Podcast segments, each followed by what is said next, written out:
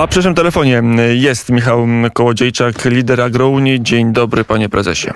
Dzień dobry, witam pana i witam wszystkich słuchaczy. Wszyscy pewnie, ja też będę chciał się o tego Pegasusa zapytać, ale skoro o tej tarczy antyinflacyjnej zapytałem, to e, może najpierw powiedzmy dwa słowa o sytuacji rolników, jak rolnicy sobie radzą e, z drożyzną, szczególnie nawozy. To jest ten newralgiczny element, który e, budzi niepokój na wsi. Mówimy w pierwszej kolejności o nawozach, które zdrożały bardzo dużo. Tutaj jest 300, 400, 500% podwyżki. Bardzo często też brak dostępności, ogromna niepewność, co będzie w kolejnym czasie. To nas wszystkich y, niepokoi. Y, brak działań rządu w tym, w tym kierunku, by zbudować dostęp do nawozów w odpowiedniej cenie. Y, w kontekście cen żywności będzie dramat. Ja bym powiedział, że to będzie po prostu apokalipsa dla nas wszystkich, jeżeli chodzi o produkcję żywności w naszym kraju. Ale że nie Mało przeżyjemy następnego roku? Panie redaktorze, ja mówię jasno apokalipsa produkcji żywności.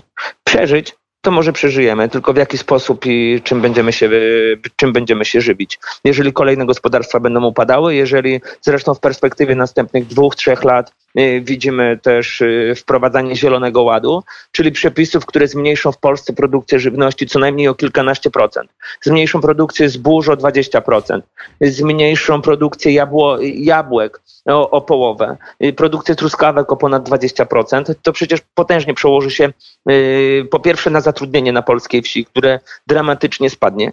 Y, po drugie, przełoży się także na bardzo wysokie ceny. I dzisiaj, y, mówiąc także o problemie z nawozami, mówimy już o wykańczaniu, wykańczaniu naszej branży i wyciąganiu pienie, ostatnich pieniędzy z naszych kieszeni, by kupić nawóz, który rok temu i w poprzednich latach kosztował 900 zł, 1000 zł za tonę, a teraz 3,5 tysiąca za tonę. To jest potężna podwyżka. I teraz rząd też o czymś o, o tym myśli. Jakie powinny być rozwiązania? Bo już chyba nie można bardziej obniżać podatków, można chyba działać dopłatami. Tak, Panie redaktorze, po pierwsze Agrounia skierowała dokument do polskiego rządu o pokazanie, o to, by polskie spółki Skarbu Państwa pokazały, jaki jest koszt produkcji nawozów. Chcielibyśmy go poznać, ile dzisiaj spółki Skarbu Państwa na nas zarabiają. Domagamy się sprzedaży bezpośredniej nawozów prosto z tych spółek, które go produkują. To one mają sprzedawać, a nie dawać go pośrednikom, którzy na nas zarabiają i, i, i w dużą część tego nawozu eksportują dzisiaj chociażby na Ukrainę. To są dziesiątki Y, wagonów, które wyjeżdżają każdego dnia, tysiące ton w każdym tygodniu. Y, I dla nas nawozu, nawozu brakuje. Najpierw chcielibyśmy poznać cenę, kupować bez marży i dopiero później możemy y, zastanawiać się na temat dopłat, bo za chwilę okaże się, że spółki zarabiają 500 zł na tonie, a rząd będzie nam chciał dopłacić 400 zł do tony, czyli i tak nasze państwo zarobi na nas 100 złotych. Mm, z drugiej strony mm, przedsiębiorstwa też muszą zarabiać, też muszą jakoś kalkulować swoje zyski, produkują, zatrudniają ludzi, więc muszą też liczyć każdy pieniądz. Panie redaktorze, to jest słuszna uwaga i do tej pory bardzo dużo zarabiali, rozwijali się bardzo mocno, ale czas kryzysu to jest moment, kiedy wszyscy musimy sobie podać rękę i Agrounia mówi, że to nie jest czas na dorabianie się, na budowanie zbędnej promocji, to nie jest czas na jakieś nieuzasadnione inwestycje, rozglądanie się na boki, to jest czas y, przetrwania. I my musimy wszyscy przetrwać, a cel musimy mieć jeden. Naszym celem musi być produkcja żywności i tak, by spółki Skarbu Państwa nie upadły, y, by mogły dobrze produkować, ale będą one dobrze produkować też wtedy, jeżeli produkcja żywności w Polsce zostanie zachowana. Jeżeli nie będzie żadnych działań rządu, o ile może wzrosnąć cena bochenka chleba, o ile mniej będzie płodów rolnych na, na w, w lato z tego roku. Uważam, że będzie dużo mniej. Y, według mnie musimy mówić, że y, będą plony mniejsze o około 30%. Dlaczego? Bo wielu rolników będzie chciało y, produkować żywność bez używania nawozów, które są w naszym klimacie niestety bardzo potrzebne. Klimat mamy trudny, okres wegetacyjny mamy dość krótki, chociażby w porównaniu do krajów Europy Zachodniej. U nas nie da się zaoszczędzić w tak dużym stopniu na chociażby używaniu nawozów, jak gdzie indziej. Warunki są trudne, szczególnie y, nawóz, azot, potas. On jest bardzo ważny, żeby go podać w odpowiednim czasie. Rolnicy będą zwlekali, by podać go na przykład później, jak nawóz stanieje. Już wtedy będziemy mieć straty produkcji, y, straty, bardzo duże straty w produkcji żywności. I co wtedy? Wtedy chleb będziemy mieć, może on będzie kosztował te 10 zł, i to, nie, i, to będzie dobra cena, ale jakość tego chleba będzie po prostu beznadziejna, bo korporacje, które przejęły bardzo często już produkcję pieczywa, będą dodawały jeszcze więcej sztucznych dodatków, by ten chleb y, był spuchnięty, a nie miał on odpowiedniej y, ilości y, mąki. E, kłopoty już się zaczęły, czy jeszcze można im zapobiec? Na ile jest tak, że już ta cena chociażby nawozów sztucznych będzie, już jej wysokość powoduje mniejsze dawkowanie nawozów, a tym samym już tegoroczne zbiory będą niższe? Jest bardzo źle, ale jeszcze można zrobić dużo. Jeszcze jesteśmy przed okresem y, zasilania naszych pól, roślin, ozimin y, nawozem i jeszcze można zrobić tak, by ten nawóz był dostępny dla polskich rolników, ale trzeba też wybiegać w przyszłość. Za chwilę bardzo duża podwyżka środków ochrony roślin, które my używamy w naszej produkcji. Widzimy też inne podwyżki, które nas dotyczą. Panie redaktorze, mówi się też o cenach prądu, y, które dotyczą chociażby piekarni. Y, czy cen gazu y, innych przedsiębiorstw, a rolnicy, którzy chociażby tak jak ja i y, wielu innych podobnych rolników w naszym kraju, przechowalnie, chłodnie. One są chłodzone urządzeniami, które potrzebują prądu. Rachunki u wielu rolników są kilka razy wyższe niż w tamtym roku, a ceny produktów są takie same bądź na niższym poziomie. Więc tych zagrożeń jest dużo więcej. Mówienie o samym nawozie wypacza ten temat i ukierunkowuje nas tylko w jedną stronę. Musimy się przygotować na jedno. Bez odpowiednich działań, bez produkcji energii na polskiej wsi, produkcji energii odnawialnej w normalny sposób, yy, będzie bardzo źle. A ten rząd przespał. Ten rząd przespał już od kilku, od kadencji kilku ministrów, nie zrobił nic. Nie zostaliśmy przygotowani na ten trudny czas przez żadnego ministra. Panie redaktorze, ten rząd trwa już 7 lat. Ile razy zmieniał się cały gabinet w Ministerstwie Rolnictwa? Czy tam może być strategia? Tam nie ma strategii. Łatanie dziur, bieżączka to nie jest strategia polityczna. To jest jak y, kurs pijanego i odbijanie się od ściany do ściany, od chodnika do chodnika. Nowy minister Henryk Kowalczyk w randze wicepremiera. Na ile pana współpraca, bo jednym z pierwszych ruchów politycznych nowego ministra rolnictwa było spotkanie właśnie z panem. No tak, żeby uśpić, żeby pokazać, będziemy rozmawiać, ale nie będziemy robić.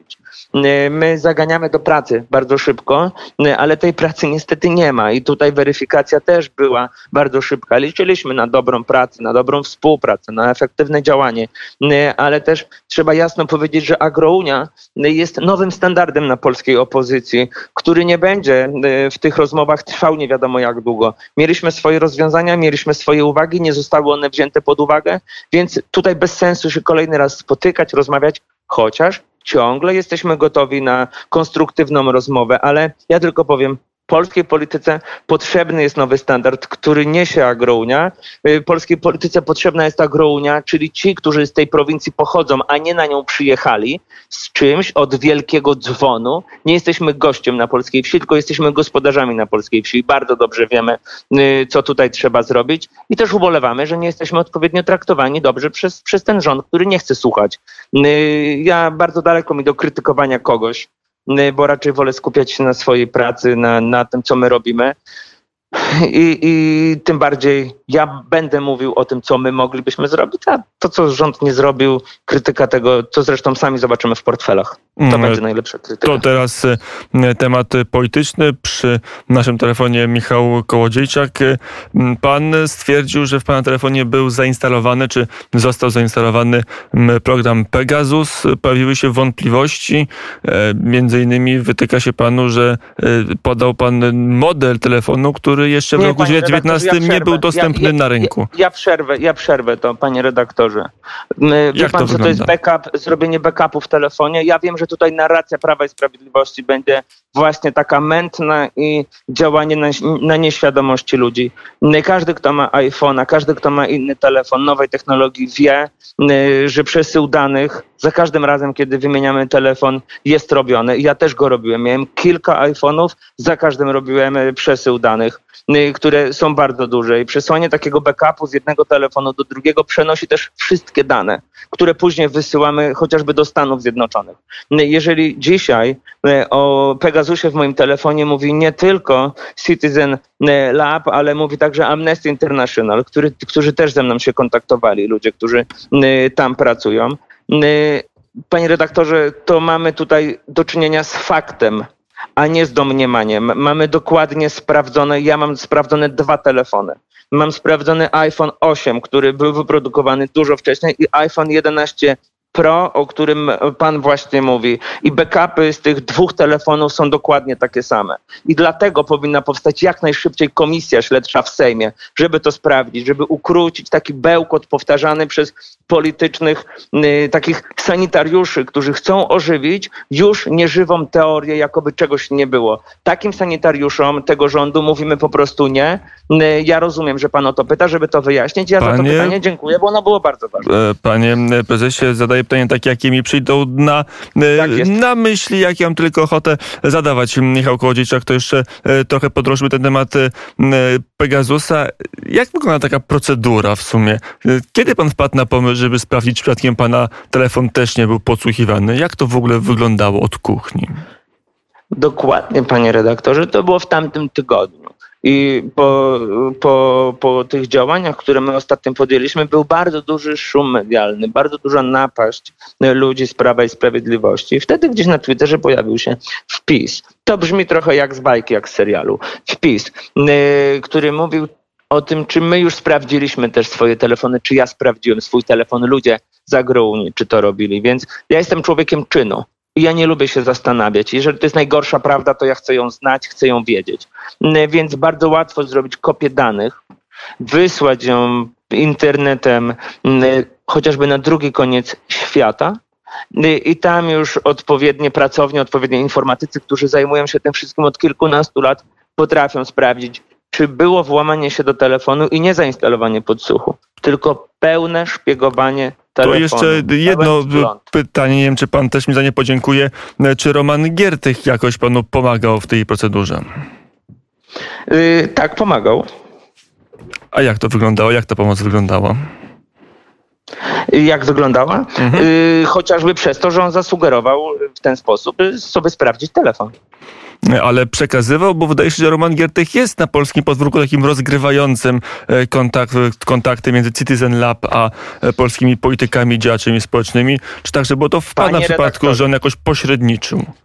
Panie redaktorze, ja się nie czuję, żeby ktokolwiek rozgrywał Michała Kołodziejczaka czy kogokolwiek za Grouni. Jeżeli ktoś ofiaruje pomoc i mówi, możesz wysłać tam i tam, to jest taka normalna ścieżka. Jeżeli ktoś daje mi pomoc, to ja dzisiaj nie patrzę na y, różnice polityczne, tylko z tej pomocy korzystam. Gdyby to przyszedł Jarosław Kaczyński i by powiedział, panie Michale, trzeba tam wysłać, zadzwonić do Citizen Lab, niech oni panu to zrobią, też bym to zrobił. I dla mnie tutaj wzgląd na osoby y, nie funkcjonuje, nie ma czegoś takiego i to jest właśnie nowy standard w polityce, który pokazuje, że można rozmawiać z różnymi ludźmi, ale załatwiać sprawy, które są ważne dla Polaków i można czuć się gospodarzem, a nie tylko kimś, kto jest rozgrywany, tak jak pan to słusznie powiedział. Bo dzisiaj pewnie poprzez te podsłuchy rozgrywany jest cały nasz rząd i większość ludzi, którzy, którzy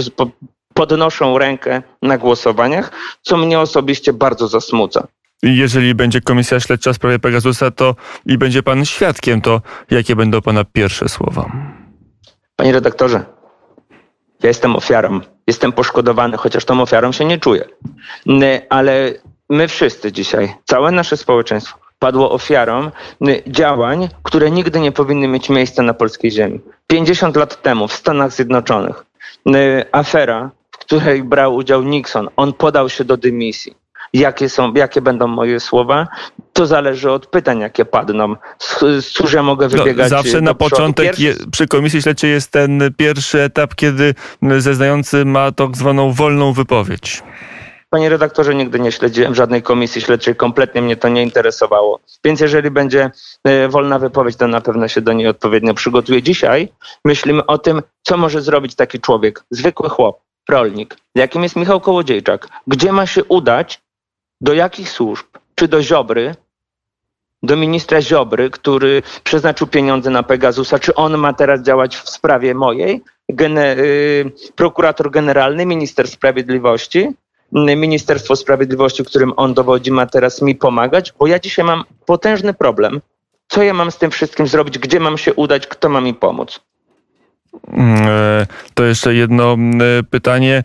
M, Czy ty- to wszystko działo się jeszcze, wróćmy do tego Giertycha, czy to wszystko działo się na Twitterze? To była taka prosta komunikacja, że Roman Giertych na Twitterze zatweetował e, i, i to był ten początek komunikacji. Przepraszam za takie szczegółowe pytanie, ale to jest ciekawe, jak to się odbywa e, w ramach relacji także politycznych.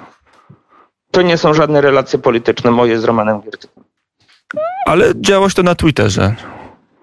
Działalność na Twitterze nie uważam jako działalności politycznej, że ktoś mi na coś odpisuje albo coś pisze. Przepraszam bardzo. Twitter to nie jest polityka. E, To jest forma komunikacji. To jeszcze pytanie, myśli pan, że ta mm, afera będzie na tyle rozwojowa, że ona wpłynie na stan koalicji rządzącej, że wpłynie na, na istnienie lub nieistnienie rządu? Wie pan, nie mnie to oceniać. Cóż ja mogę powiedzieć? Ja mogę powiedzieć, że taki rząd, który pozwala na y, takie rzeczy i, i ma się takich praktyk, y, wchodzi z kimś do kościoła, do konfesjonału, do łóżka, na różne spotkania i sprawdza ten telefon poprzez kamerę, y, powinien ponieść konsekwencje. Jakie? Dzisiaj, gdyby to były odpowiednie, honorowe zachowania, to ludzie, którzy na to pozwolili, ponieśliby konsekwencje, już nigdy nie powinni brać udziału w sprawowaniu władzy i jak najszybciej powinni tą władzę stracić. I tutaj mowa o konkretnych ministrach czy premierach. Kto za to ponosi odpowiedzialność? No przecież y, wszyscy wiemy, chociażby y, ci, którzy przeznaczyli na to pieniądze to gdyby pan komuś pożyczył pieniądze na kupienie y, pistoletu i pan do, doskonale wie, że to jest pistolet, który ma być ktoś zabijany, no to jest pan też w moich oczach współwinnym. Więc to jest szereg osób, które pozwoliły na to, co się dzieje. Mm, Powiedział Michał Kołodziejczak, e, lider Agrounii. Dziękuję bardzo za rozmowę.